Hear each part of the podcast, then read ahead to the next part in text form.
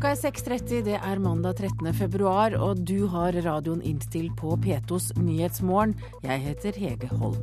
Dette er hovedsaker i nyhetene akkurat nå. Voldsomme opptøyer mot sparepakke i Hellas i natt. Skoleelev fra Kristiansand omkom i trafikkulykke på skoletur i Kenya. Og også menn bør holde seg unna alkohol i svangerskapet, både før og etter unnfangelse. Det man vet litt om, det er faktisk at risikoen for spontanabort faktisk er like høy, og kanskje minst eh, like høy, da, dersom eh, far har drukket alkohol i forbindelse med befruktningen som om mor hadde gjort det.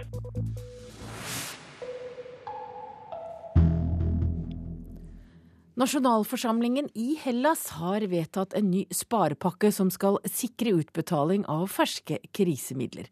Og foran avstemningen i den greske nasjonalforsamlingen i går kveld brøt det ut voldsomme opptøyer i Aten og andre byer i protest mot sparetiltakene Επεισόδια που δυστυχώς αμαυρώνουν τις απόλυτα νόμιμες σε μια δημοκρατία εκδηλώσεις διαμαρτυρίας. Vandalisme, vold og ødeleggelse har ingen plass i et demokratisk land, sa den greske statsministeren Lukas Papadimos til de folkevalgte mens protestene raste utenfor parlamentet. Ved midnatt var det klart at sparepakken, trass i de voldsomme protestene, hadde fått flertall. Sparepakken vil innebære kutt på 3,3 milliarder euro i 2012. Kuttene går utover lønninger og pensjoner, og betyr også nedbemanning i offentlig sektor. De tre kreditorene, EU, Den europeiske sentralbanken og Det internasjonale pengefondet, har satt spareprogrammet som vilkår for utbetaling av nye kriselån til Hellas for å unngå at landet går konkurs. 2014 og 2015 i løpet av 2013 vil Hellas igjen være på fote, lover den greske statsministeren. I løpet av 2014 vil vi se en økonomisk vekst på 2,53% Vi var den europeiske sivilisasjonens vugge. Historien vil gjøre oss urett hvis vi går konkurs. Og reporter her var Nina Bull Jørgensen. Elever, lærere og foreldre i Kristiansand er i sorg etter at en skoletur i Kenya endte med at en elev omkom og en annen ble alvorlig skadet i en trafikkulykke. I går ettermiddag ble minibussen de åtte elevene og lærerne satt i påkjørt av en lastebil, og rektor Knut Aasen sier ulyk ulykken er helt uvirkelig. Dette er jo noe som skulle være en flott opplevelse eh, for disse elevene. Og det å da få det snudd rundt til en tragisk hendelse, eh, er jo virkelig. På fredag reiste elevene fra Kvadraturen skolesenter til Kenya. Utenfor byen Kisumu vest i landet skjedde ulykka. De eh, skulle ned til Kenya for å installere et solcelleanlegg på en helsestasjon. Flere pårørende var samla på skolesenteret i natt, mens de som overlevde ulykka er på sykehuset i Kisumu. Utenriksdepartementet er kobla inn, og den norske ambassaden i Kenya har sendt folk for å støtte dem som mista en klassekamerat. Og reporter her var Kristine Svendsen. Alderdommen har blitt langt mer lukrativ for den jevne pensjonist. På ti år har reallønnen til de mellom 67 og 69 år økt med 50% og i samme periode økte lønna til yrkesaktive med bare 29% Altså har pensjonister hatt et langt høyere inntektsvekst enn yrkesaktive, skryter arbeidsminister Hanne Bjurstrøm.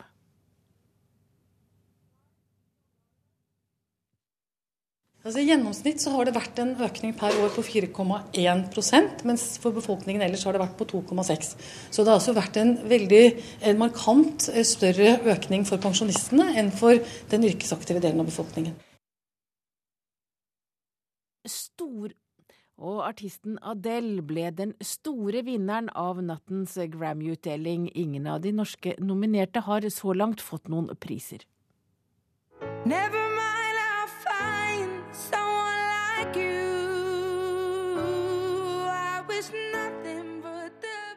'Someone Like You' synger den britiske soulsangeren Adele, som stakk av med hele seks priser under nattens Grammy-utdeling.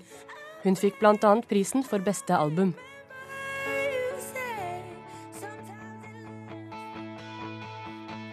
Også rockebandet Foo Fighters får med seg en solid samling Grammy-statuetter hjem.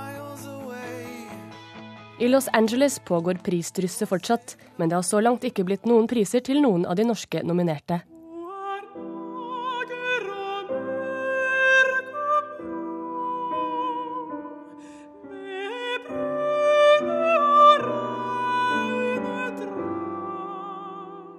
Marianne Beate Kielland var med albumet 'Veslemøy synsk' nominert i kategorien klassisk vokal studio. Men hun måtte se seg slått av Joyce Dinato.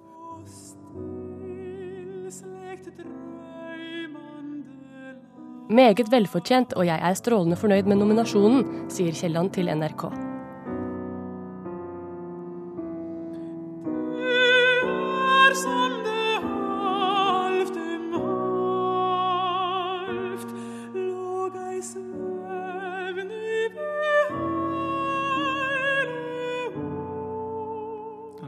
Vi altså en smakebit fra Marianne Beate Kielland, som altså måtte nøye seg med nominasjonen, og reporter var Ina Strøm.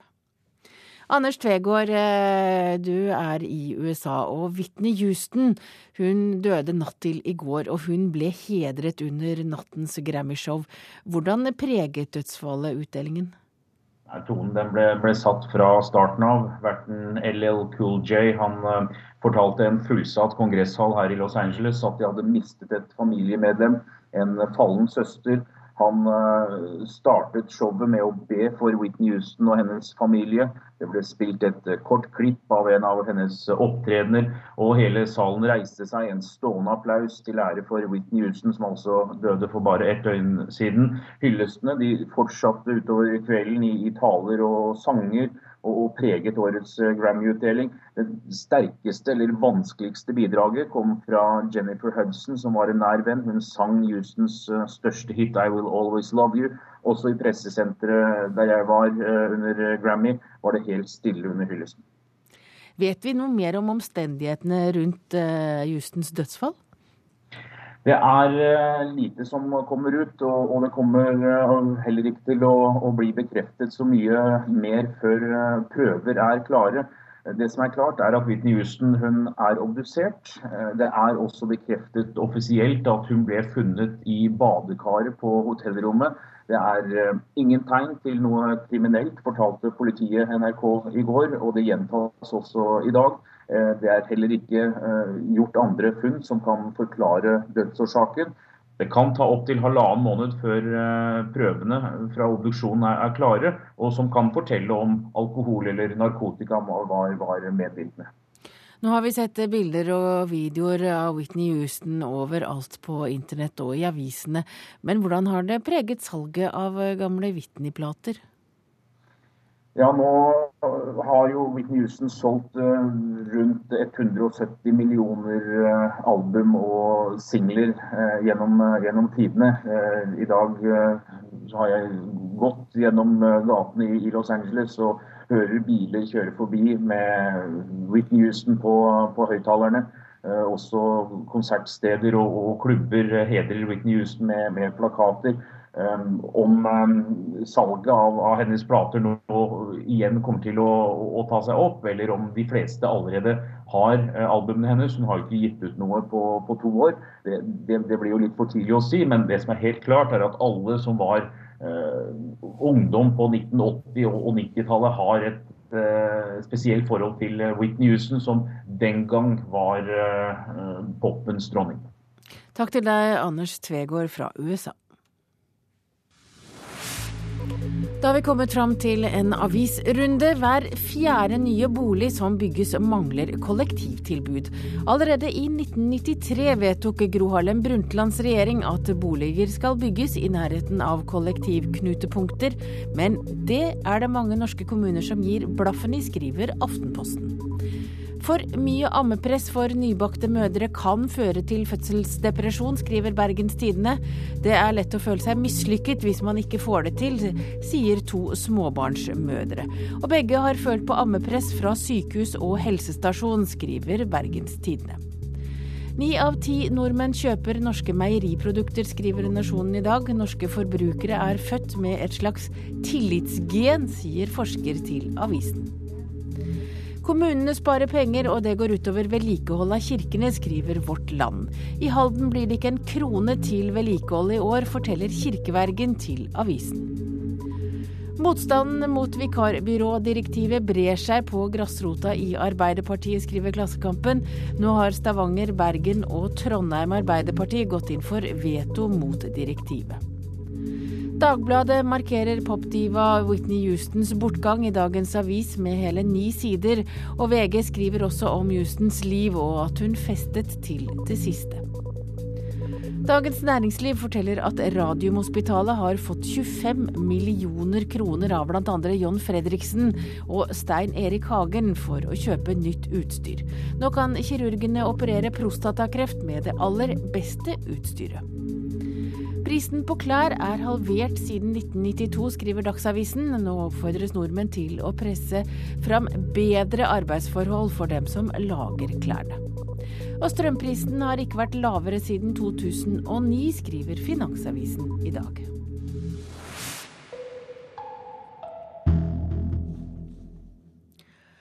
I 20 år har Halvdan Skar fra Bærum ledet KS, eller Kommunenes sentralforbund, som det het til for kort tid siden. I morgen velges det en ny leder på Landstinget, og velkommen til Petos Nyhetsmorgen, Halvdan Skar. Mange takk. Da du åpnet ditt siste landsting som leder i går, da ba du om styrking av kommunenes selvstyre. Det kunne du vel omtrent gjort da du ble valgt inn også, eller hva? Ja, det har vært en stadig eh, konflikt, eller stress kanskje, mellom forskjellige interesser. Vi har en veldig sterk tradisjon i Norge for likhet over hele landet. Samtidig har vi en sterk tradisjon for lokale ulikheter. Og da er hele tiden diskusjon hvor går grensen for hva vi kan godta av ulikheter, samtidig som vi holder et likeverd i tilbudet til befolkningen. Ja, Fins det en grense? Ja, det gjør det åpenbart. For det kommer jo stadig meldinger der hvor folk syns at grensen er overskredet. Sammenlignet mellom kommuner Men det syns man jo alltid hvis nabokommunen har et bedre tilbud på det området en er interessert i selv. Det er nettopp det. Og så gjelder det å forklare hvorfor det er slik, og hvorfor kommunestyret i en kommune har bestemt noe litt annet enn kommunestyret i en annen kommune. Det er jo litt avhengig av velgerne, det. Men etter 20 år, hva har det vært den viktigste saken, føler du?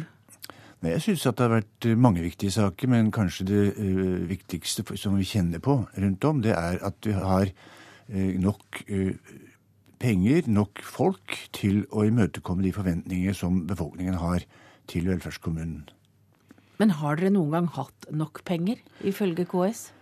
Nei, jeg tror aldri det blir nok penger fordi befolkningen ønsker seg stadig mer. Og, og det var en som definerte at politikk er å fordele penger som det alltid er for lite av. Og det er en vanskelig jobb og en spennende jobb. Det, det er både å si ja til gode formål, og noen ganger å si nei. De siste årene så har, vi, så har, kommunene altså fått arbeidsgiveransvar for lærere. De statlige overføringene til barnehageplasser er ikke lenger øremerket. Og dere er i ferd med å få milliardvis av kroner til kommunalt helseansvar gjennom denne nye samhandlingsreformen. Det viser vel at, eh, det, at kommunenes selvstyre er i vinden for tiden? Jeg får vel si at vi hadde arbeidsgiveransvaret, men staten hadde forhandlingsansvaret. Nei, det, vi, vi, møter denne blandingen av tillit til at vi kan klare dette bedre lokalt enn sentralt, og samtidig et sterkt ønske fra spesialinteresser, særinteresser, om sterk statlig styring. Og så Samtidig som vi har den utviklingen du forteller om, og, og som er en stor tillitserklæring til uh, lokalpolitikerne og lokalnivået, så, så får vi mer uh, strammere styring på enkelte andre områder.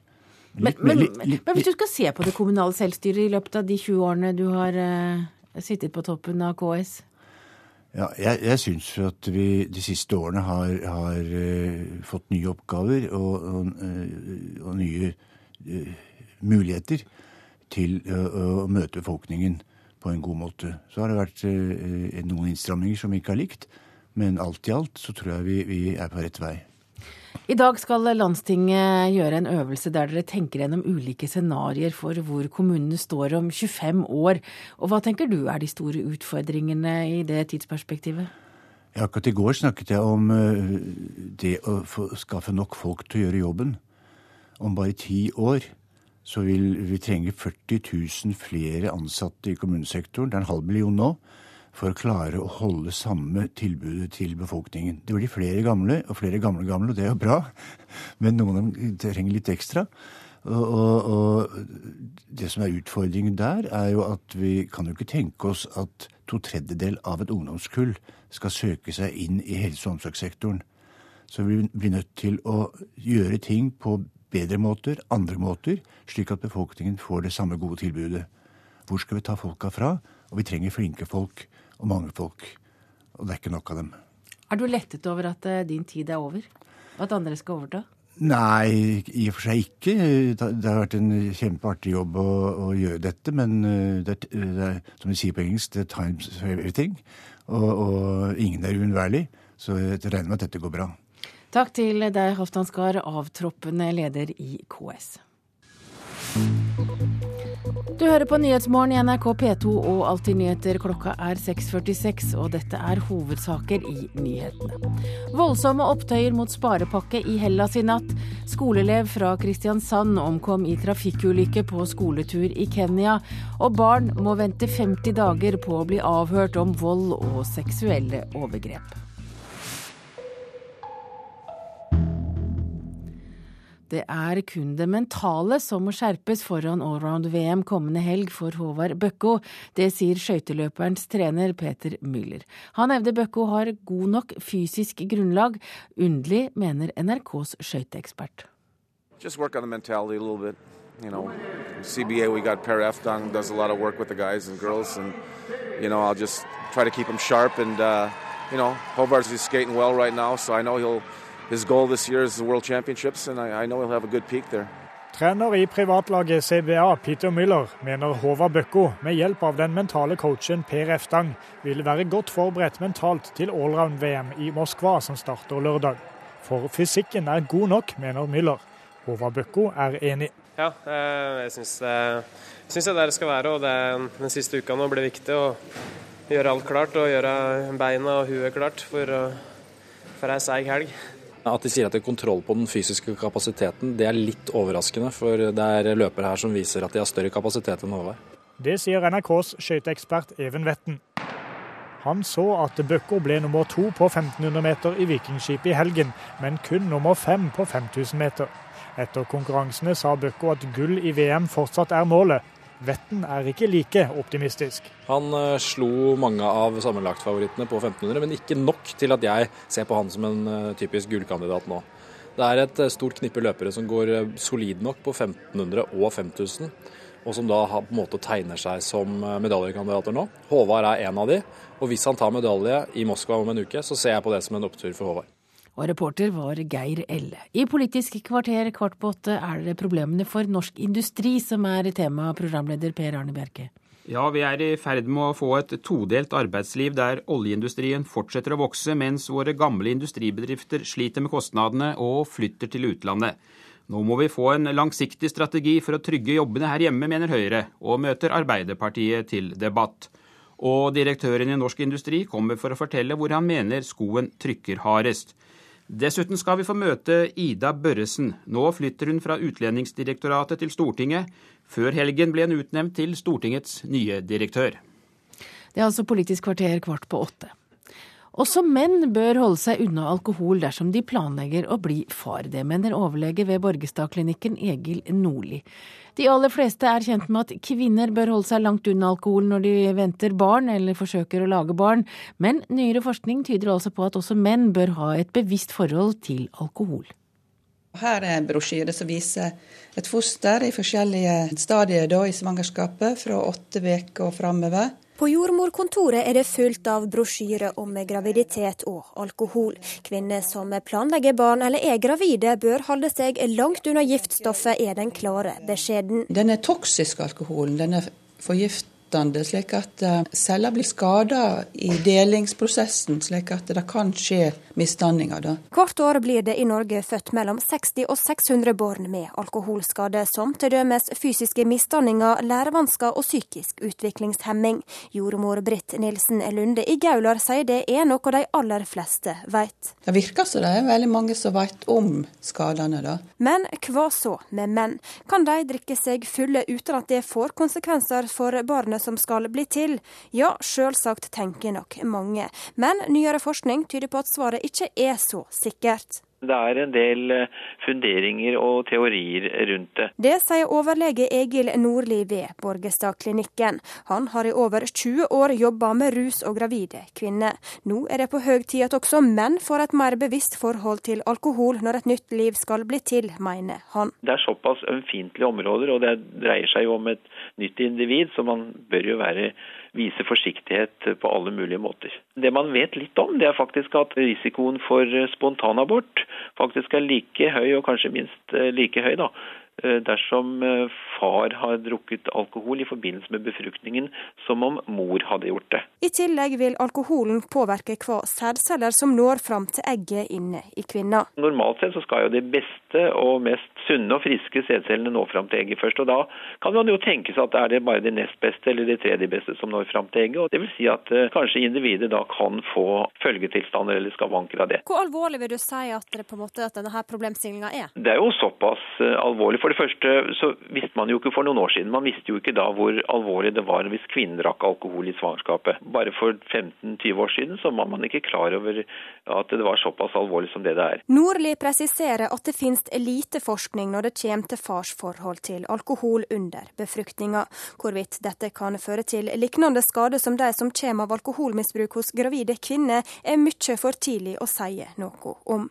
Uansett bør folk ta signaler på alvor, mener Nordli. Man bør jo være litt eh, obs på det, altså være bevisst på dette her. At alkohol og svangerskap, eh, planlegging av svangerskap og graviditet hører ikke sammen, rett og slett. Det er veldig interessant at de forsker på det. da, fordi at eh, Foreldre og kvinner er veldig interessert i å, å leve så sunt som mulig for å få et friskest mulig barn. da. Kvinner i dag har et helt annet forhold til alkohol enn for noen år siden. For mange kvinner er det svært vanskelig å skulle holde seg helt unna de edle dråpene medan det nye livet utvikler seg i magen. Så det er veldig mange settinger der du inntar alkohol. da. Om noen år kan det komme retningslinjer for hvordan far bør forholde seg til alkohol når barnet skal bli til. Enn så lenge mener jordmor Britt Nilsen Lunde at menn uansett bør være solidariske disse ni månedene. Det er godt for damer som er gravid hvis at mannen er solidarisk, for det letter jo livsførselen. For det er ganske mye drikkepress rundt omkring. Og så betyr det jo noe for tida etter ungen er kommet òg, at en har et litt strengt drikkemønster da, og hvordan en lever i lag med små barn. Og reporter her var Anna Gytri. Barn må vente opp mot 50 dager fra vold og seksuelle overgrep anmeldes til de avhøres av en dommer. Justisminister Grete Faremo besøkte i går barnehuset i Tromsø og ble bekymret over det hun fikk høre.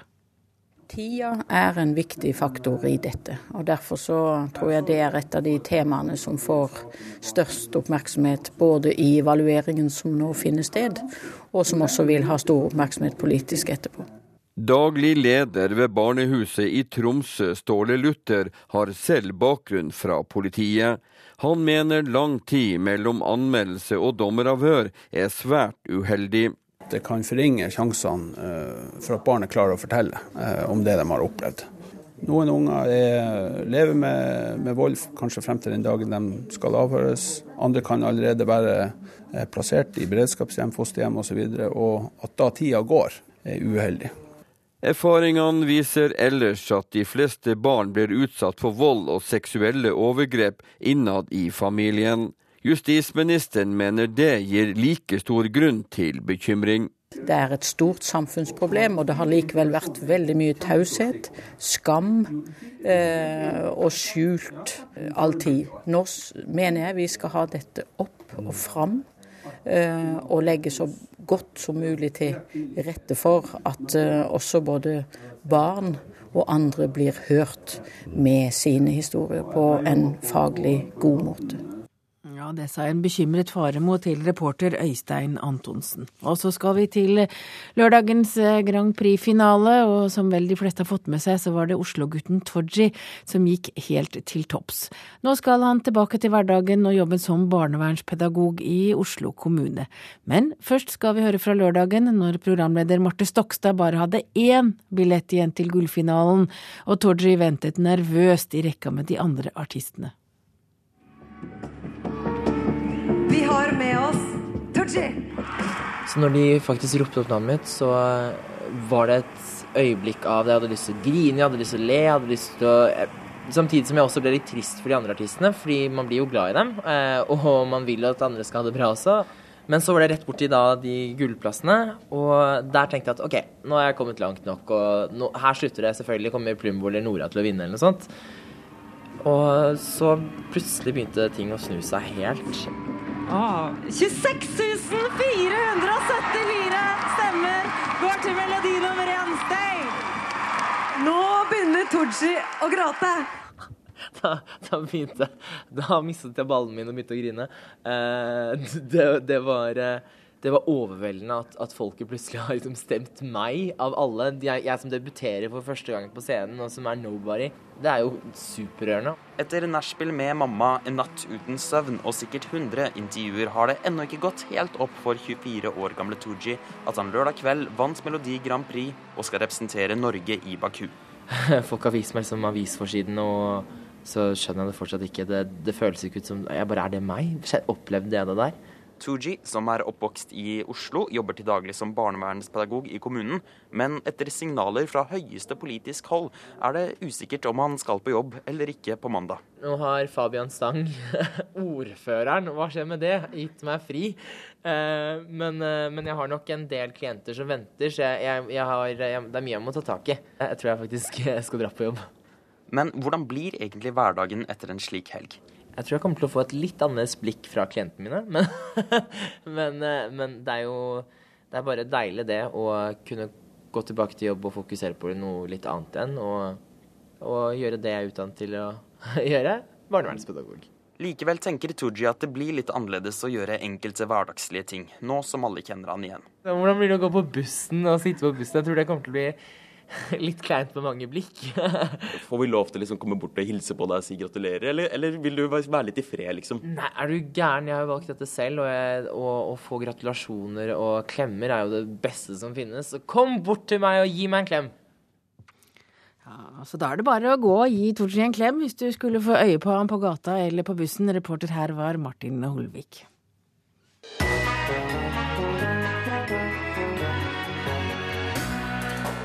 Dagbladets voldsomme slakt av Lars Monsen og Trine Reins låt om Femundsløpet fikk Monsen til å eksplodere. Han svarte like godt anmelderen med samme verbale skitkasting. Men hva er en god slakt, og hvilke litterære kvaliteter bør den ha? Det skal handle om slakten som kunstform i Radioselskapet etter Dagsnytt klokka 11.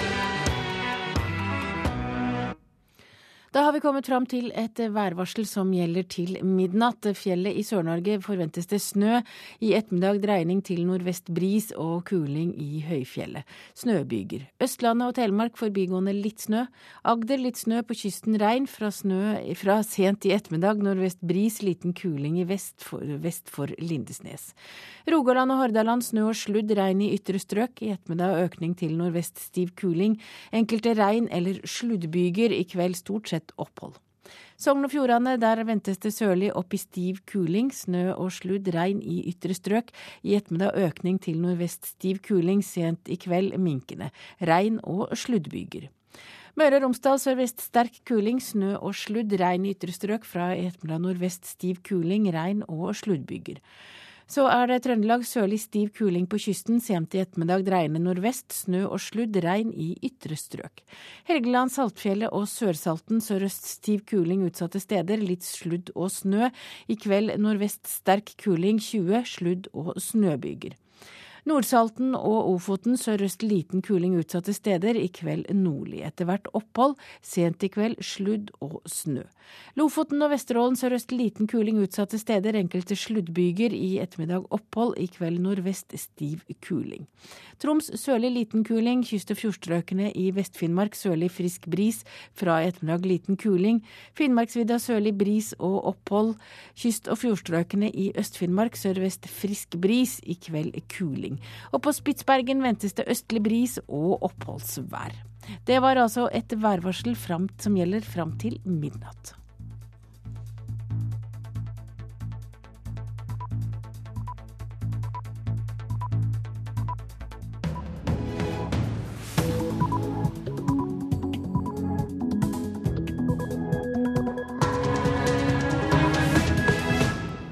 Klokka er sju, du hører på Nyhetsmorgen. Jeg heter Hege Holm, og her er en nyhetsoppdatering. Nye store kutt vedtatt av nasjonalforsamlingen i Hellas under voldsomme opptøyer mot sparepakken. Ved midnatt var det klart at sparepakken, trass i de voldsomme protestene, hadde fått flertall. Kuttene går utover lønninger og pensjoner, og betyr også nedbemanning i offentlig sektor. En norsk elev er omkommet under skoletur i Kenya. Skolene bryter loven og følger ikke opp elever som blir mobbet, viser undersøkelse. Barn går i årevis uten at de kommer ut av en situasjon som er så uholdbar og krenkende og uverdig. Og Det sier forsker Tove Flakk. Pensjonistenes inntekter har økt mer enn for de av oss som er i jobb. Pensjonistpartiets leder Einar Lonstad klager ikke han heller. Jeg blir 67 eh, i mai måned. Jeg har tjent relativt godt og vil få det ganske greit når jeg blir pensjonist som 67-åring. Norske artister i sorg etter Whitney Houstons bortgang. Hun brøt barrierer mellom svart og hvit musikk, sier musikkprodusent Mikkel Eriksen. Hun var jo på samme måte som Michael Jackson brøyt ned barrierene mellom farge og etnisitet og nasjonalitet, så var hun absolutt en av de store. Norske kommuner og skoler svikter mobbeofre, viser den foreløpige resultatene i en nasjonal undersøkelse som Utdanningsdirektoratet har gjennomført. Tidligere denne måneden ble Kristiansand kommune dømt i Høyesterett for å ha sviktet et mobbeoffer. Kristin Odmeier er mor til en jente som er mobbet. Jeg tenker jo at eh, myndighetene har et ganske så stort arbeid, eh, ansvar her. Jeg tenker at vi trenger å bruke mer ressurser på å utvikle og forske på metoder. Både i forhold til forebygging, avdekking, håndtering og etterarbeid knytta til mobbing. Sånn at det kan bli gitt klarere føringer i forhold til hva slags metoder og hvilken systematikk man bør bruke. 60 000 barn blir hver måned mobba på skolen, viser tall fra Folkehelsa. Samtidig gjør ikke kommunene som skoleeier det de skal. Tidligere denne måneden ble Kristiansand kommune dømt i Høyesterett for å ha svikta et mobbeoffer. Skolene skal forebygge mobbing og informere foreldre om retten til oppfølging i mobbesaker. Foreløpige resultat fra en større undersøking fra Utdanningsdirektoratet viser så langt at flertallet av de over 500 skolene i undersøkinga ikke følger lova. Dette går utover rettstryggleiken til barn og foreldre, og gjør at barn ikke får den hjelpa de trenger, sier Flakk. Resultatet det er kanskje at, eh, at, barn går i årevis uten at de kommer ut av en situasjon som er så uholdbar og krenkende og uverdig. Ingjerd Eriksen var rektor ved Marienlyst skole fram til februar. Skolen var i fjor høst en del av den nasjonale undersøkinga. Eriksen mener de jobber mye med å forebygge mobbing, rasisme og vold, men ser at de kunne gjort mye annerledes. Fylkesmannens uh, tilsyn hjalp oss på en måte til nå å se at nei, dere, nå må vi, nå vi brette opp ermene igjen. ikke sant? Uh, nå greier vi jo ikke å dokumentere. Nå, dette må vi gjøre noe med. Men jeg har liksom ikke dokumentert riktig, da. Jeg har ikke gjort det. Så kanskje vi ikke har tatt de ordentlige diskusjonene der vi burde tatt dem. Vi skulle tatt dem oftere. Og... Så nå har jeg jo da laget en plan for det psykososiale arbeidsmiljøet. Med frister og utført, og hvem som har ansvaret, sånn som Fylkesmannen vil at vi skal gjøre det. Forsker Tove Flakk ved Senter for atferdsforsking i Stavanger sier det er forskjeller mellom skolene. Og det er veldig forskjellig hva en skole får til i forhold til en annen. Og det har en også med holdning å gjøre. Man kan sette seg inn i erfaringene med de metodene som er best egnet, f.eks. og bruke tid på det. Man kan velge å jobbe systematisk og ha fokuset der som leder i en skole. Nestleder i Utdanningsforbundet Haldis Holst sier det viktigste er at lærerne får tid med elevene, slik at de kan forbedre skolemiljøet. Det, det skoleeierne først og fremst kan gjøre, det er da å komme tilbake til på å gi lærerne anledning til å skaffe seg den kunnskapen fra elevene. Og da trenger de tid til å møte dem, til å møte foreldrene og til å følge opp den enkelte i hverdagen. Holst tror også det er behov for å gjøre retningslinjene tydeligere for skolene. Først og fremst så tror jeg skoler må ha en gjennomgang av hvor mange planer og systemer har de for å få hverdagen til å virke. For jeg tror mange opplever at det nå har blitt veldig byråkratisk, veldig mye rapportering som stjeler tid fra tiden sammen med elevene. Og elevenes psykososiale arbeidsmiljø det er noe av det viktigste av alt. Har ikke en elev det bra, så lærer de ikke. Og den endelige rapporten fra Utdanningsdirektoratet blir overlevert departementet i slutten av mars. Og reporter her var Tone Gullaksen. Og Wilhelm Mek du er pedagog og spesialrådgiver ved Atferdssenteret i Oslo. Og hvordan opplever du møtet med elever som er blitt mobbet i skolehverdagen? Ja, eh, mange elever, eller mange foreldre opplever jo, og vi opplever jo at eh, vi må være på vakt når elevene endrer atferd. Eh, at vi vi eh, ser at noe er, er galt og noe som ikke stemmer. Og opplever også det at mange elever ikke vil snakke om det som er vanskelig på skolen. Så der har vi en oppgave med å kunne Ja, de vil ikke snakke om det fordi at de kanskje opplever at det blir verre på skolen. De opplever at eh, de har skam, skyld knytta til det. Og så opplever man også at eh, de ikke vil gå på skolen etter hvert slik at foreldrene kommer ofte i en vanskelig posisjon og føler avmakt og hjelpeløshet. Og da må man tenke tiltak med en gang. Men nå hørte vi her at for å unngå mobbing så er tid viktig, og at eh, lærerne har tid nok med elevene. Er det et sesam sesam? Ja, det er det. Altså dette generelt sett å styrke læringsmiljøet, styrke det forebyggende arbeidet, Dette her med gode relasjoner mellom eh, lærere og elever er er vesentlig faktor i forhold til For det er der skolene kan gjøre en veldig stor innsats, dette her med å jobbe forebyggende med læringsmiljøet. Men oppdager lærere at elever blir mobbet? Ja, det er jo litt forskjellig eh, det, men eh, da, da har det jo sammenheng med de systemer og strukturer de har på skolen. F.eks. dette her med som er viktig med systematisk tilsyn, fordi vi vet at mobbing skjer ofte i ganger, det skjer på uteområder. Og Da må skolen ha en plan for å følge opp dette med å være til stede der de vet at det skjer, og de må også kunne vite hvilke elever som man trenger å følge ekstra godt med. Og når da elevene er mobbet, de kommer til deg og, og de har fått skader, hva slags skader er det de får av å bli mobbet over lengre tid? Ja, altså Elever er jo inn i en sosialiseringsprosess eh, på skolen. De skal liksom fjerne seg mer fra foreldrene og gå inn i samhandlinga med jevnaldrende. Og når de blir stoppa i den prosessen, så er det negativt. Og da utvikler det seg eh, psykiske problemer. De kan bli ensomme, de kan bli isolert. Eh, fysiske symptomer, f.eks. At de har vondt i maven og vondt i hodet osv. Og at eh, det går ut over læringsmiljøet. Altså konsentrasjonen i forhold til det å kunne eh, være på skolen og konsentrere seg om skolefag, som er det viktigste. Helt kort, er det signaler foreldre og foresatte skal se etter? Ja, det er når barna f.eks. klager over vondter i maven når de nekter å gå på skolen. Eh, og når også de opplever endringer i atferden, og når de også kan oppleve f.eks. at at eh, de har det vondt på ulike vis. Takk til deg, Wilhelm Eek Hansen, pedagog og spesialrådgiver ved Atferdssenteret i Oslo. Det brøt ut kraftige opptøyer i Aten og andre byer i Hellas i går kveld. Protestene kom etter at nasjonalforsamlingen vedtok nye kutt som kreves for å få tilført nye krisemidler.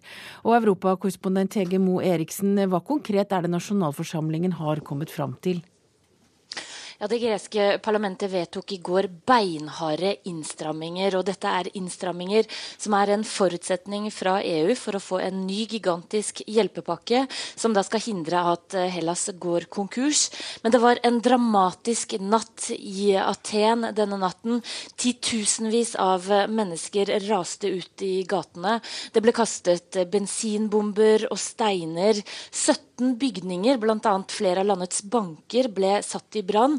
Så det var et inferno i den greske hovedstaden, mens da politikerne satt på innsiden av parlamentet med et vanvittig dilemma. De hadde altså et valg mellom to onder, nemlig å vedta denne spareplanen fra EU, som da skjærer dypere inn til beinet i et samfunn som har opplevd to år med tøffe innstramminger, eller å ikke vedta planen, men å da risikere en ukontrollert konkurs, som da ville føre til at landet sannsynligvis må forlate euroen, og som også vil da føre til at kanskje det greske bankvesenet kollapser fullstendig. Men er det det demonstrantene vil?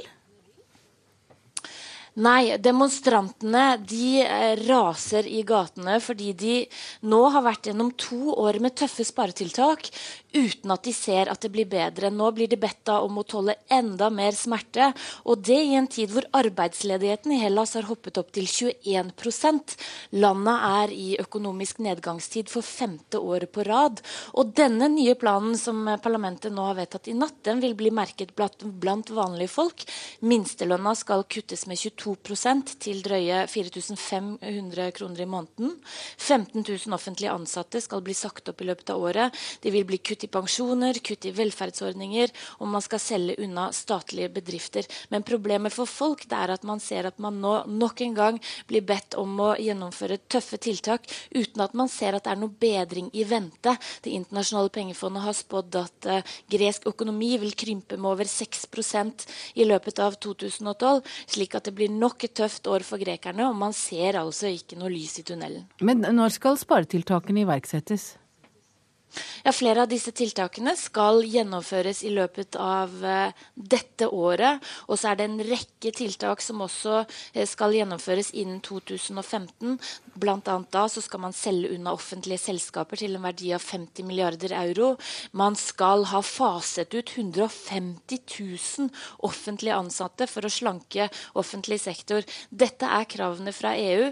Men EU er ikke fornøyd med Hellas. Det er en uh, økende mistillit mistillit med landet. Man mener at landet har en lang liste med brutte løfter, og at denne spareplanen fram mot 2015 går fram i sneglefart. Derfor så setter nå EU makt og tøffe, tøft press bak kravene, og derfor har de altså bedt Hellas om å gjennomføre disse nye tiltakene som parlamentet da banket gjennom i løpet av natten. Takk til deg, europakorrespondent Hege Moe Eriksen. Ja, altså landets myndigheter trenger nå nærmere 50 milliarder kroner euro for å betale renter, tette hull i statsbudsjettet og refinansiere statsgjelden. Og sjefsøkonom i Øystein Dørum i DNB Markets, eh, ja, hva går egentlig alle disse pengene Hellas, som Hellas får til? De, jo, altså de pengene som Hellas får fra de andre landene, de går delvis til å fornye eksisterende lån, siden private långivere ikke lenger stiller opp fordi de frykter at landet med rette kan komme til å gå konkurs. Og så går de til å finansiere de underskuddene Hellas fortsatt har, men som, hvor ambisjonen selvfølgelig er at underskuddene skal reduseres av, eller erstattes av balanse i budsjettet på sikt. Men er landet nå helt på randen av en konkurs? Landet har vært på randen av en konkurs en god, eh, en god, stund. Det er jo bare velviljen i Berlin, i Frankfurt, i eh, Washington, der IMF ligger, og i Brussel som holder Hellas flytende. Ja, Eller frykten for at andre kommer etter, hvis først eh, Hellas faller. Det er, det er, det er riktig. Altså, jeg, jeg tror eh, at dersom dette bare handlet om Hellas, så kunne man på den ene side eh, med letthet ha holdt Hellas flytende, uten at det ville ha lagt store byrder på de andre landenes budsjetter. Og man kunne på den annen side også ha latt Hellas gå konkurs uten at ringvirkningene hadde blitt store. Men fordi Portugal står bak i køen, og fordi et enda større og viktigere land, nemlig Italia, står bak i køen, så har det vært avgjørende å redde Hellas for å unngå den smitten. Jeg tror ikke den smittefaren er så stor lenger. Men, men en kan jo tro nå, etter alle de hjelpepakkene som har kommet, eh, at det er egentlig bare utsettelser av det uunngåelige? Det er veldig mange som eh, kommer til den samme, eller har kommet til den samme erkjennelsen, som har ment en god stund allerede at det beste for grekerne ville være om de hadde fått en vesentlig gjeldsreduksjon, slik at de kunne få sanert gjelden og starte litt mer på bar bakke med et gjeldsnivå som samfunnet kunne leve med. For dette her som hun som eh, journalisten også beskrev på en veldig god måte, det er å bare grave samfunnet dypere og dypere ned i grøfta med eh, femte år på rad med økonomisk nedgang, med mer enn dobling av arbeidsledigheten, ungdomsledighet nå nærmere på, på 50% og ingen lysning i sikte. Fordi at ser man på anslagene til pengefondet, så skal Hellas om ti, ja, snaue ti år, i 2020, ha en bruttogjeld på 120% av BNP. Selv det er ikke bærekraftig, og det betyr at det ligger foran grekerne et tiår med budsjettinnstramning, med svak økonomisk vekst, med stigende arbeidsledighet og usikre utsikter til at dette her kan komme til å gå bra. Får det konsekvenser for Norge? Nei. Altså, det vil si, det var vel ubetinget. Eh, dersom andre land dras inn i dette her, så får det konsekvenser for Norge. Nå tror jeg en gresk konkurs vil ha beskjedne ringvirkninger. Takk til deg, sjeføkonom Øystein Dørum i DNB Markets. Klokka er 7.15, du hører på Nyhetsmorgen i NRK P2, og dette er hovedsaker nå. Nye store kutt vedtatt av nasjonalforsamlingen i Hellas under voldsomme opptøyer mot sparepakken. En norsk elev er omkommet under skoletur i Kenya, og skolene bryter loven og følger ikke opp elever som blir mobbet, viser undersøkelse.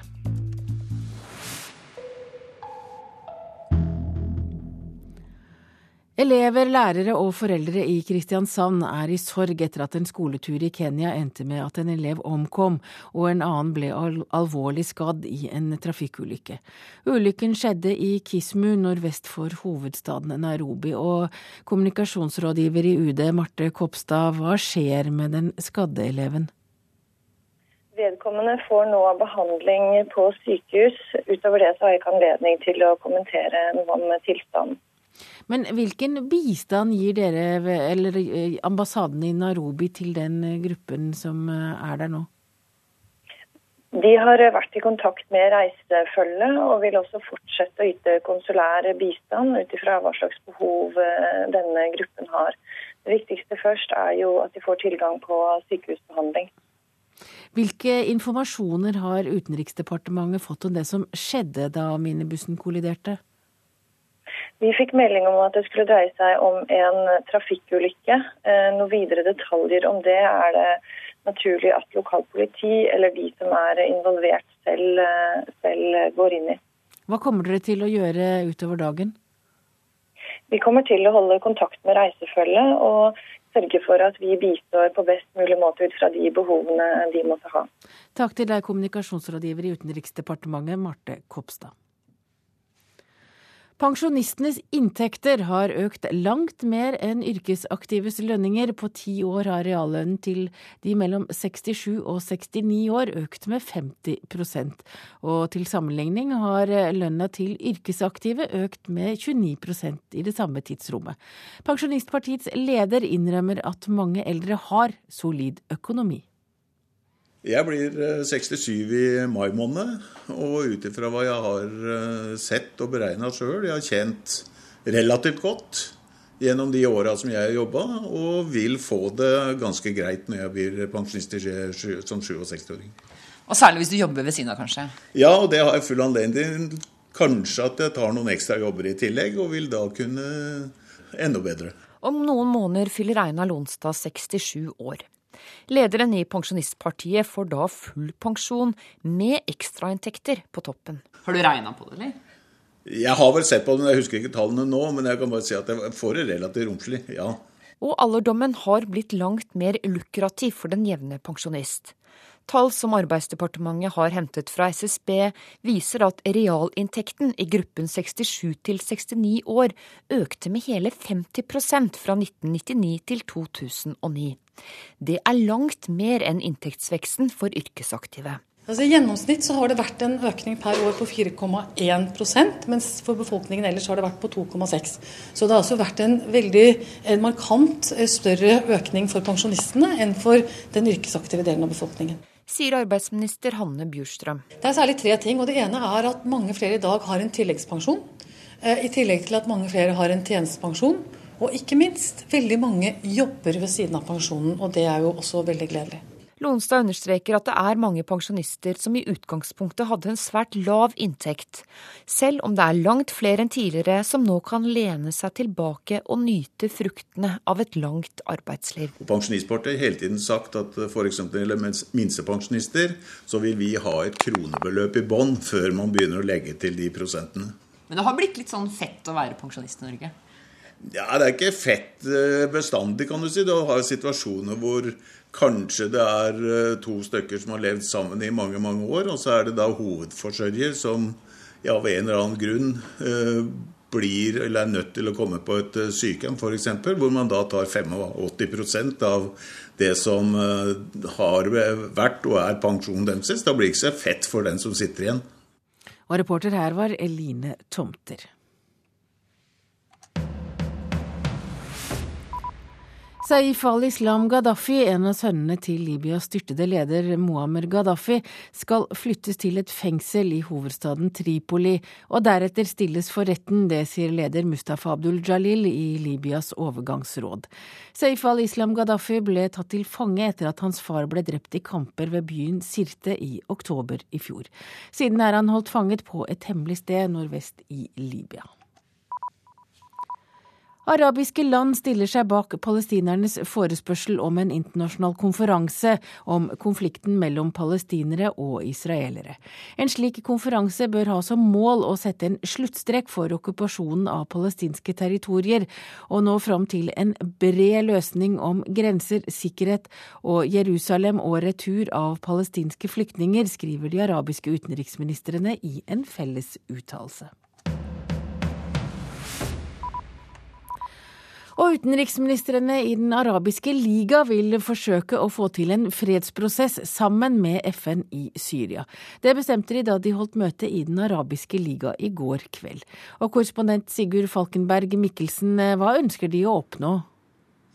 Ja, På dette møtet her i Kairo i kveld så sendte de en direkte utfordring til FN, og særlig da til Russland og Kina, som la ned veto mot en resolusjon tidligere. Syriaspørsmålet kommer til å komme tilbake først til generalforsamlingen. Eh, det kommer allerede denne uken. Eh, og så ønsker de nok også å få dette tilbake på bordet i Sikkerhetsrådet. Og Det er jo da beleiringen og beskytningen av Homs eh, som har satt sinnene i kok da i den hovedsakelige sunni-muslimske arabiske verden. Og de, ønsker, de er nødt til å prøve å vise at de gjør noe, men de er jo da Eh, de sliter med å sette ut praktiske tiltak i livet. og eh, Mange i Homs eh, i Syria føler seg jo forlatt ikke bare av Den arabiske liga, men av hele det internasjonale samfunn. Men ønsker de på en måte FN mer i førersetet? Altså I utgangspunktet så gjør de ikke det. De har vært tilbakeholdne med en internasjonalisering av konflikten hele veien, og har ønsket å løse dette problemet selv. Men de ser altså at det er de ikke i stand til. og det er en FN tvinger seg på en måte på som det eneste organet som de føler at kan gjøre noe. Men de sliter altså med å få gjennom en resolusjon. Eh, et annet viktig signal fra dette utenriksministermøtet har jo vært en veldig tydelig støtte til den syriske opposisjonen, hvor da eh, utsagnet etter eh, møtet sa at de skulle gi all mulig form for politisk og materiell støtte til opposisjonen. Så dette er en, også en direkte utfordring til eh, Syrias Bashar al-Assad, presidenten som nå styrer landet. Men, men, er de arabiske lederne engstelige for at uroen i Syria skal spre seg? Ja, altså Det er en sterk regional dimensjon til Syria. Uh, jeg var i Tripoli i Nord-Libanon på fredag og så hvordan konflikten der holdt på å spre seg. Der ble det drept eh, to mennesker i, i trefninger i byen mellom sunnimuslimske grupper og grupper som støtter Bashar al-Assads regime i Syria. Eh, I tillegg så er det da en sterk, eh, etter hvert sekterisk og religiøs dimensjon til dette, i og med at veldig mange av landene her er ser på dette også som et ledd i, et, i å svekke eh, Iran, sjiamuslimske Iran. Slik at den regionale dimensjonen er eh, svært sterk. De arabiske utenriksministrene har jo også oppfordret til sterkere økonomiske sanksjoner mot de arabiske landene, eller i de arabiske landene mot Syria. Men er det vanskelig å få til? Det ser ut som de sliter med å sette disse sanksjonene ut i livet, og i hvert fall få, få, få ordentlig kraft i de. De har jo ikke noen særlig erfaring med å drive den type, uh, den type uh, økonomiske sanksjoner. Uh, men Syria er nå svært isolert i den arabiske verden. Gulflandene, altså inkludert Saudi-Arabia, har sendt hjem den syriske ambassadøren. Og Tunisia har sagt at de vil nå arrangere det første møtet i et, en organisasjon som kaller seg Venner av demokratisk Syria. Sånn at det mobiliseres i den arabiske verden mot da regimet til Bashar al-Assad. Og Syria har, så vidt jeg kan se, ikke vært så isolert i den arabiske verden eh, noensinne. Takk til deg, korrespondent Sigurd Falkenberg Mikkelsen. Og da er vi kommet fram til en presserunde. Hver fjerde nye bolig som bygges mangler kollektivtilbud. Allerede i 1993 vedtok Gro Harlem Brundtlands regjering at boliger skal bygges i nærheten av kollektivknutepunkter, men det gir mange norske kommuner blaffen i, skriver Aftenposten. For mye ammepress for nybakte mødre kan føre til fødselsdepresjon, skriver Bergens Tidende. Det er lett å føle seg mislykket hvis man ikke får det til, sier to småbarnsmødre. Ni av ti nordmenn kjøper norske meieriprodukter, skriver Nasjonen. Norske forbrukere er født med et slags tillitsgen, sier forsker til avisen. Kommunene sparer penger, og det går utover vedlikehold av kirkene, skriver Vårt Land. Motstand mot vikarbyrådirektivet brer om seg på grasrota i Arbeiderpartiet, skriver Klassekampen. Nå har Stavanger, Bergen og Trondheim Arbeiderparti gått for veto mot direktivet.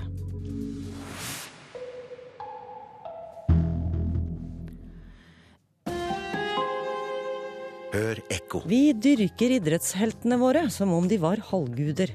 Vi hyller deres kropp og styrke, tilgir deres synder og overøser dem med frierbrev. Hvordan ble sport vår tids totempel? Og hva sier det om oss nordmenn at vi så helhjerta danser rundt? Ekko 9 11 i NRK P2.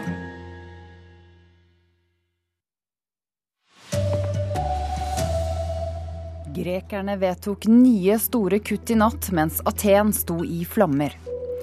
Elever som blir mobbet, blir sviktet av skolene. Whitney Houston ble hyllet under nattens Grammy-utdeling. God morgen, her er NRK Dagsnytt klokken 7.30. Hellas nasjonalforsamling vedtok i natt en ny sparepakke som skal sikre utbetaling av ferske krisemidler. Samtidig var det voldsomme opptøyer i Aten og andre greske byer i protest mot eh, sparetiltakene. Επισόδια που δυστυχώς αμαυρώνουν τις απόλυτα νόμιμες σε μια δημοκρατία εκδηλώσεις διαμαρτυρίας. Vandalisme, vold og ødeleggelse har ingen plass i et demokratisk land, sa den greske statsministeren Lukas Papadimos til de folkevalgte mens protestene raste utenfor parlamentet. Ved midnatt var det klart at sparepakken, trass i de voldsomme protestene, hadde fått flertall. Sparepakken vil innebære kutt på 3,3 milliarder euro i 2012. Kuttene går utover lønninger og pensjoner, og betyr også nedbemanning i offentlig sektor. De tre kreditorene, EU, Den europeiske sentralbanken og Det internasjonale pengefondet, har satt spareprogrammet som vilkår for utbetaling av nye kriselån til Hellas, for å unngå at landet går konkurs. I løpet av 2013 vil Hellas igjen være på fote, lover den greske statsministeren. I løpet av 2014 vil vi se en økonomisk vekst på 2,5-3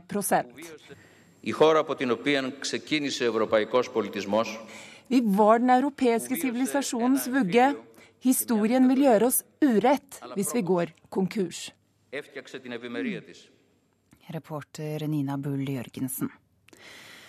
Norske kommuner og skoler svikter mobbeofre. Det viser de foreløpige resultatene i en nasjonal undersøkelse Utdanningsdirektoratet har gjennomført.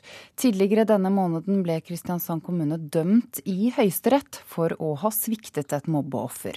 Kristin Oddmeier er mor til en jente som har blitt mobbet. Når vi meldte bekymring og brukte ord som mobbing, så opplevde vi at det ble bagatellisert. 60 000 barn blir mobba på skolen. Samtidig gjør ikke kommunene som skoleeier det de skal. Skolene skal forebygge mobbing og informere foreldre om retten til oppfølging i mobbesaker. Foreløpige resultat fra en nasjonal undersøking fra Utdanningsdirektoratet viser så langt at flertallet av de over 500 skolene i undersøkinga ikke følger lova. Kristin Odmeier er mor til ei jente som ble mobba, og jobber til daglig med mobbing i FNs barnefond. Hun opplevde at skolen mangla kunnskap og tid. Selv om kunnskapen på ett plan var der om hva mobbing er og hva man kan gjøre, så er lærerne også i en pressa arbeidssituasjon. Manglende oppfølging får konsekvenser, sier Tove Flakk ved Senter for atferdsforsking i Stavanger. Barn går i årevis uten at de kommer ut av en situasjon som er så uholdbar og krenkende. Kristiansand kommune må betale mobbeoffer 900 000 kroner i erstatning. Kommunen ble som skoleeier gjort ansvarlig, og dømt i Høyesterett til å betale erstatning til en nå 31 år gammel mann. Kunnskapsminister Kristin Halvorsen er ikke nøyd med resultatene i undersøkelsen, og skal inn med flere tiltak. Vi skal lage en sjekkliste for skolene, sånn at de kan være sikre på at de jobber systematisk og skikkelig i forhold til godt læringsmiljø. Vi skal sørge for at det blir klart for foreldre og elever hva de har rett til i denne typen saker. Reporter Tone Gullaksen.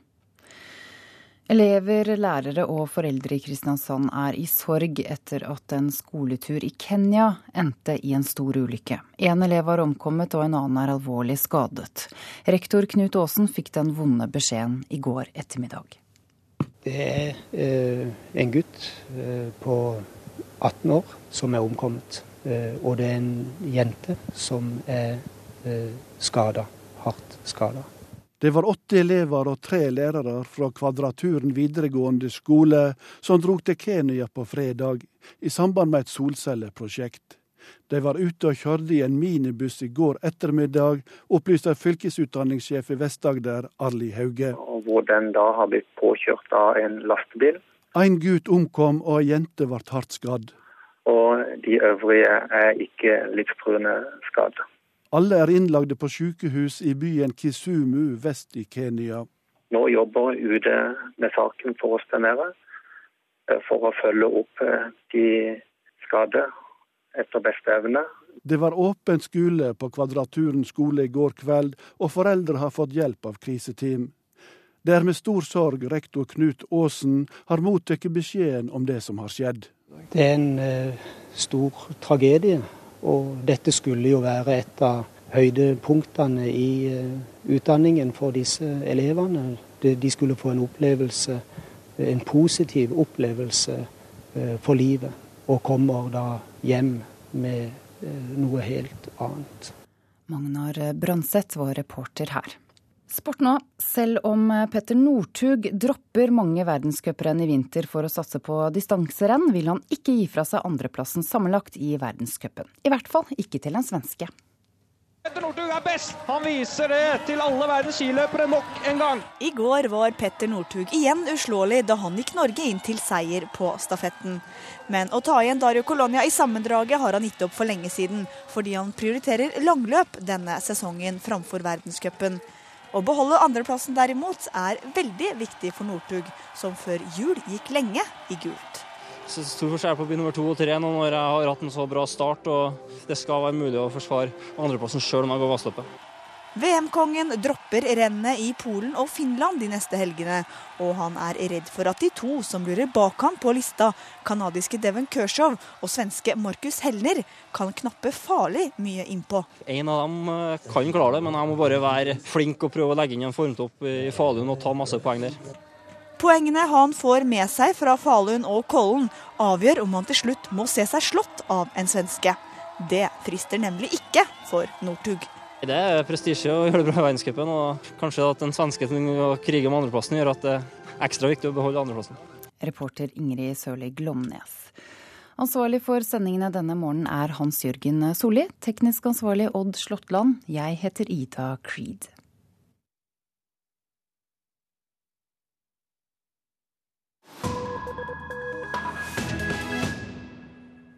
Ja, du hører på Nyhetsmorgen i NRK P2, og nå skal vi til Afrika. For interessen for å møte afrikanske ledere var stor under Verdens økonomiske forum i Davos for et par uker siden. Og den økonomiske eliten snakker nå om at Afrika er framtidens kontinent. Men selv om en voksende middelklasse har fått hodet over vannet i en rekke afrikanske land, så blir stadig flere fattige afrikanere hengende håpløst etter i velstand velstandsutviklingen. Afrikakorrespondent Lars Sigurd Sunnanå rapporterer fra Nairobi. Det spas, spikres og støpes. Her i Kenya opplever også hovedstaden Nairobi en byggeboom. Nasjonen med sine nær 40 millioner innbyggere har, i likhet med svært mange andre afrikanske land, fått en voksende middelklasse på jakt etter et bedre liv og større leiligheter. Den nye middelklassen drar opp den økonomiske veksten. og Det slår ut i internasjonal statistikk som et tegn på at nå går det virkelig fremover på det afrikanske kontinentet. Men det er ikke slik i Afrika at når det regner på presten, middelklassen, så drypper det på klokkeren, de fattige, forklarer en av Kenyas fremste økonomer, Ali Khan Sacho. There are two economies today. You have this sort of economy which has helped increase the middle class, and that's what everyone's getting excited about, especially the big global corporates are excited about that. But below that level, you have what I would call those Africans who are living at the bottom of the pyramid. Vi har to økonomier, sier han. Den ene som har løftet frem en middelklasse, og det er den alle er så begeistret for, særlig de store globale selskapene. Men under dette nivået har vi alle afrikanerne som lever på bunnen av pyramiden. De som er strømmet til byene over hele kontinentet, og som opplever en helt annen utvikling. De har fått det stadig verre de siste årene. De er utsatt for en omvendt Robin Hood-effekt, for å si det slik.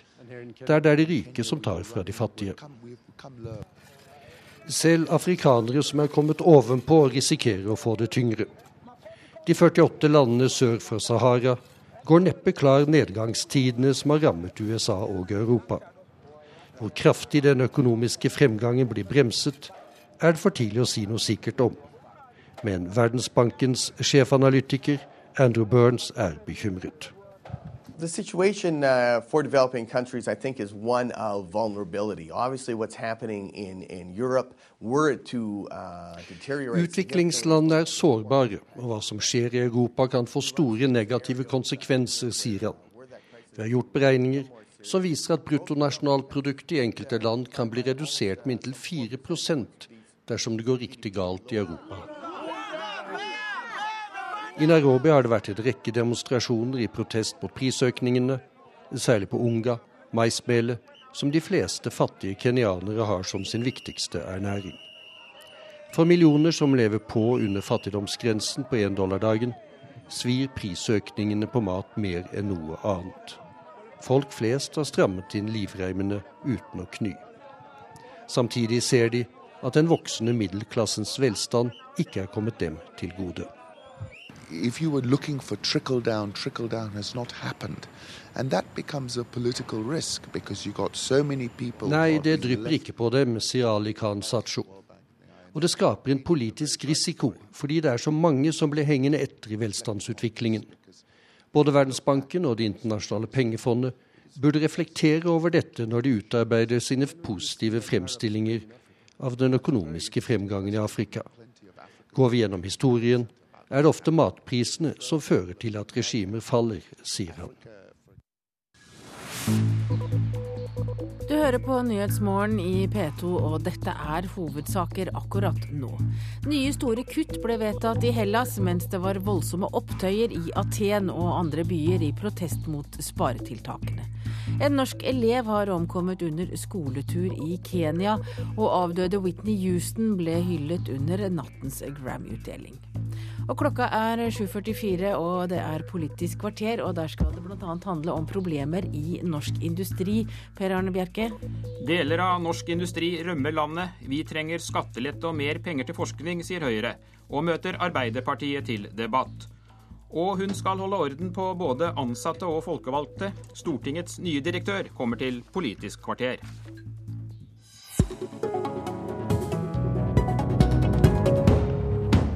Vi var nødt til å flytte for å få ned kostnadsbildet. Det er rett og slett for dyrt for oss å operere i Norge. Det er jo triste greier for oss som jobber her, da. Arbeidsplassen forsvinner. Så er det veldig mange gode kolleger, og så kommer det å savne dem etter hvert.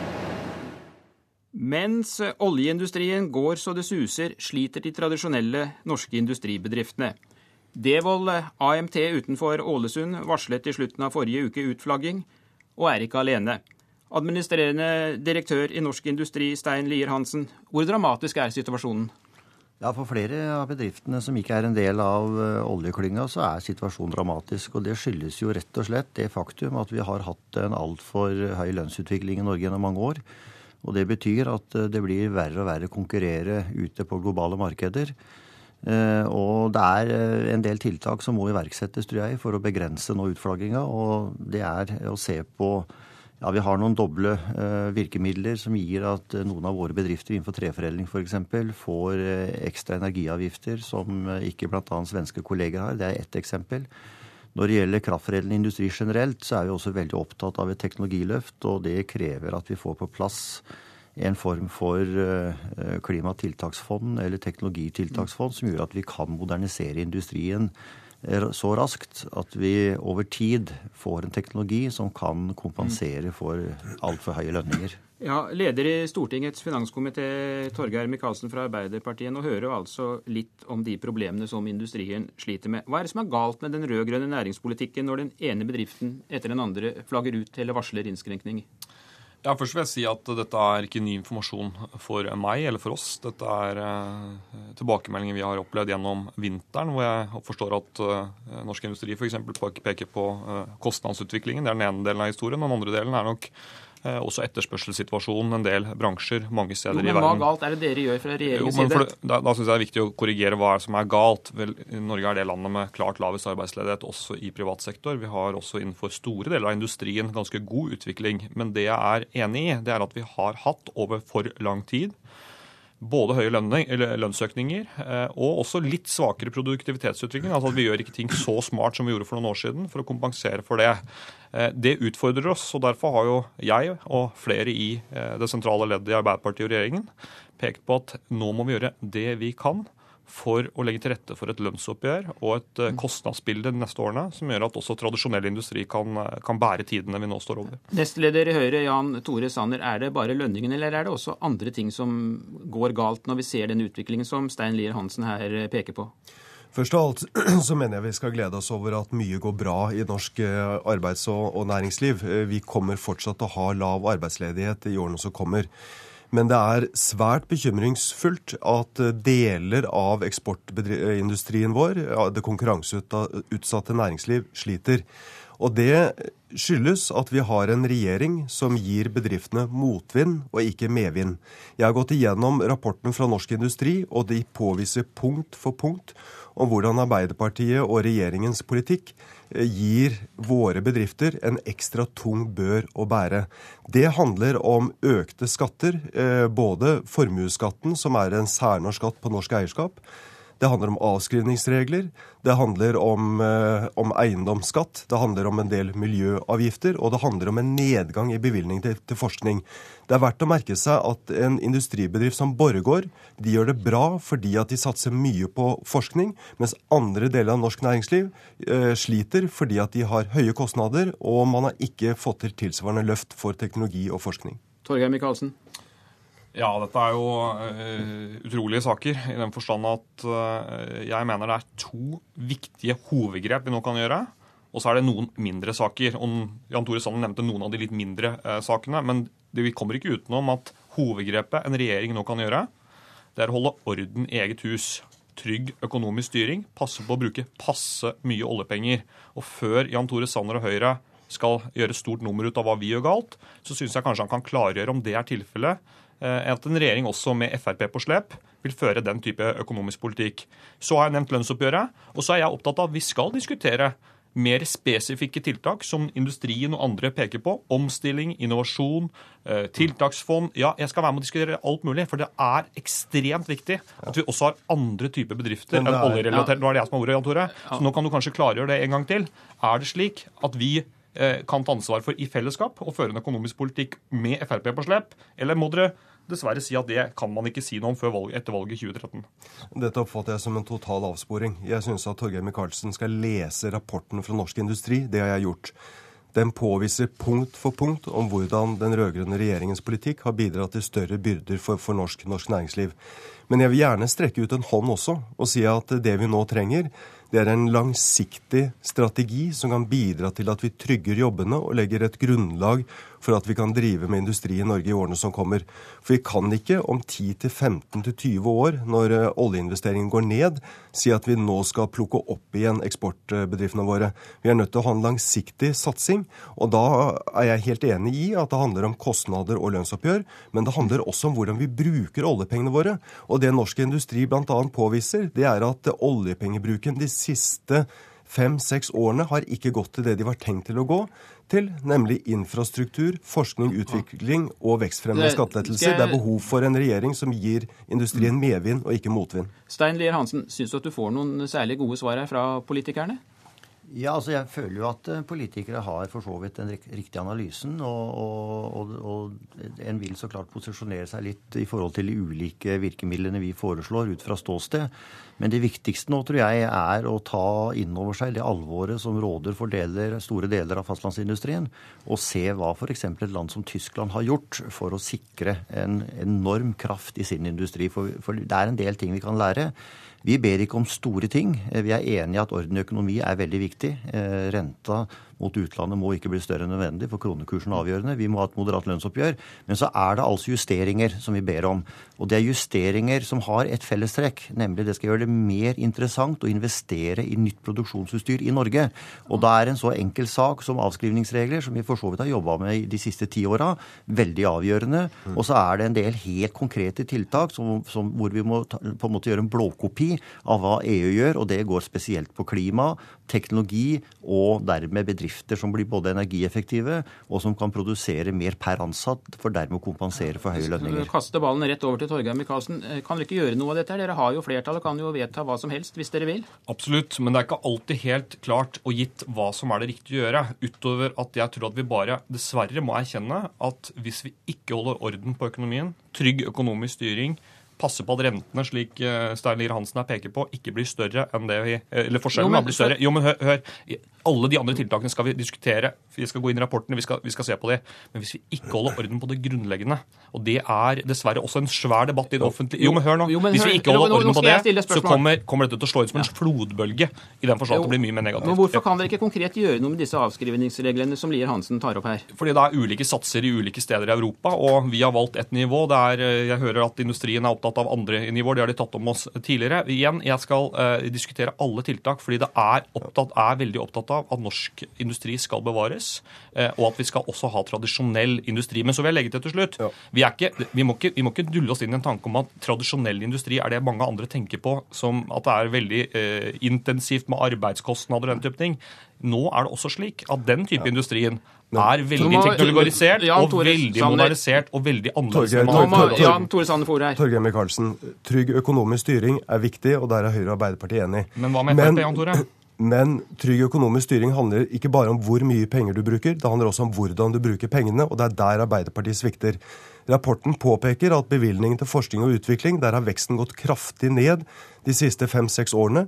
Og du har konkrete eksempler som handler om avskrivningsregler. Hvordan uh, Hydro i Sunndal og, og, hvordan Alcoa i, i Mosjøen rammes av regjeringspolitikk. Dette er ting som regjeringen kan ta tak i hvis de vil, og som vil bidra til at bedriftene får en lettere situasjon. Og jeg gjentar min invitasjon til regjeringen og også til partene i arbeidslivet om at vi nå får på plass en langsiktig strategi for hvordan vi kan trygge jobbene i konkurranseutsatt sektor og legge til rette for at, eh, at du får verdiskaping innenfor de, disse bedriftene i årene som kommer. Fordi at disse bedriftene de kan du ikke pakke opp igjennom 10-15 år. Vi må sørge for at vi har industri i årene som kommer. Du skal få 15 sekunder til å svare på det, Torgeir Micaelsen.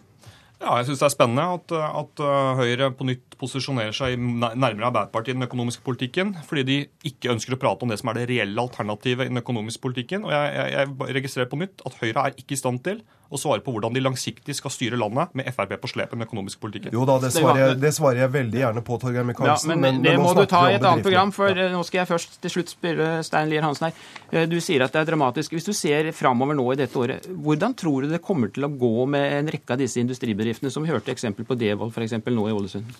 Nei, altså vi, vi, vi, har en tredeling nå, og den delen av fastlandsindustrien som nå ikke er konkurransedyktige, de vil, eh, flere av de vil møte veggen i 2012, og det ser vi nå mange eksempler på. Men jeg, jeg vil ikke gi noen prognose som går på antall bedrifter eller antall, eh, altså antall nedgang i sysselsetting.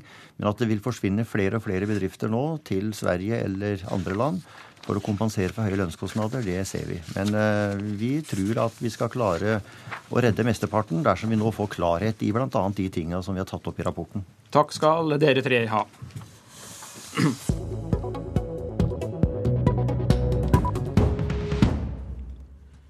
Hun har sittet i styret for Oslofilharmonien og Nationaltheatret, og har brukt store deler av livet sitt som offentlig byråkrat.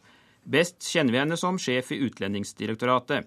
Like før helgen utnevnte et enstemmig storting henne til en ny toppjobb. Velkommen til Politisk kvarter, direktør i Stortinget, Ida Børresen. Tusen takk for det. Hvorfor ønsket du deg denne jobben? Jeg ønsker meg denne jobben fordi det er jo en helt unik eh, stilling, og den er midt imellom eh, administrasjon og politikk, og det er det jeg syns er morsomt, og det er det jeg har jobbet med i det meste av min karriere.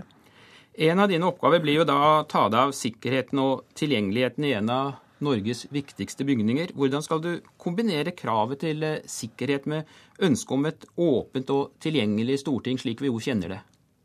Ja, Det er en veldig viktig balanse. for Jeg tenker at uh, det er viktig at uh, vår nasjonalforsamling er åpen og tilgjengelig for folk flest. Samtidig så må vi ta den nødvendige Eh, sikkerhet i betraktning. Og jeg regner jo med at dette er vurderinger som allerede Stortinget har gjort, og jeg skal bidra til det. Eh, nå er jo sikkerhetsspørsmål noe jeg ganske, har vært ganske mye inne i den jobben jeg har nå også, så jeg tenker å finne den eh, riktige balansen mellom en, en fornuftig sikkerhet og en eh, tilstrekkelig åpenhet, det er veldig viktig. Nå er vi jo inne i en helt spesiell situasjon etter 22.07, eh, men tror du det er mulig å bevare vårt eh, åpne demokrati, der det er kort avstand mellom politikere og velgere? Noe som jo kanskje er nokså særegent for Norge? Jeg tenker at det er veldig viktig å beholde det. Det er en veldig kvalitet eh, i det norske samfunnet. Eh, og så tenker jeg at eh, terroristene skal ikke få lov til å oppnå akkurat det de vil, nemlig at vi skal bli redde og stenge oss inne. Denne jobben er jo en av de mest spesielle byråkratstillingene i kongeriket. I tillegg til å være sjef for en stab på 450 fast ansatte og ha det øverste ansvaret for det daglige driften på Løvebakken, så blir det jo også presidentskapets nærmeste rådgiver. Hva er de viktigste egenskapene du tar med deg inn i denne jobben? Ja, jeg tenker Det er, er, to ting. For det første at jeg har en veldig bred forvaltningskompetanse. Eh, jeg kan på en måte håndgrepene i det å drive en sånn stor administrasjon. Og for det andre så har jeg nettopp arbeidet veldig mye tett opp mot politikere og sett eh, hvilken eh, viktig oppgave de har, og hvilken rolle jeg da som eh, deres støttespiller har for å legge til rette da, for den jobben de skal gjøre. Du var jo inne på det her og sa du skulle arbeide i skjæringspunktet mellom eh, politikk og administrasjon. Hva vil du si kjennetegner en perfekte byråkrat? ja, den perfekte byråkrat må forstå politikk. Det tenker jeg er veldig viktig. Eh, og også eh, på en måte eh, gjøre det på den måten at politikerne skjønner at man har deres ve og vel i, i, i fremste rekke. Og at man da også noen ganger gir en politiker et råd han kanskje helst ikke vil ha. Det har vært eh, sagt og skrevet mye om deg opp gjennom årene, Ida Børresen. Og tidligere statsråd Bjarne Håkon Hansen han kalte deg landets eh, tøffeste dame. Er du det? Nei, det tror jeg ikke jeg er. Men jeg, jeg, er veldig glad i å jobbe i offentlig forvaltning. Jeg syns vi har høy kvalitet, eh, og det er spennende å bidra til. Takk for at du kom til Politisk og lykke til med jobben. Tusen takk. På, ja, og det var Politisk kvarter. Jeg heter Per Arne Bjerke.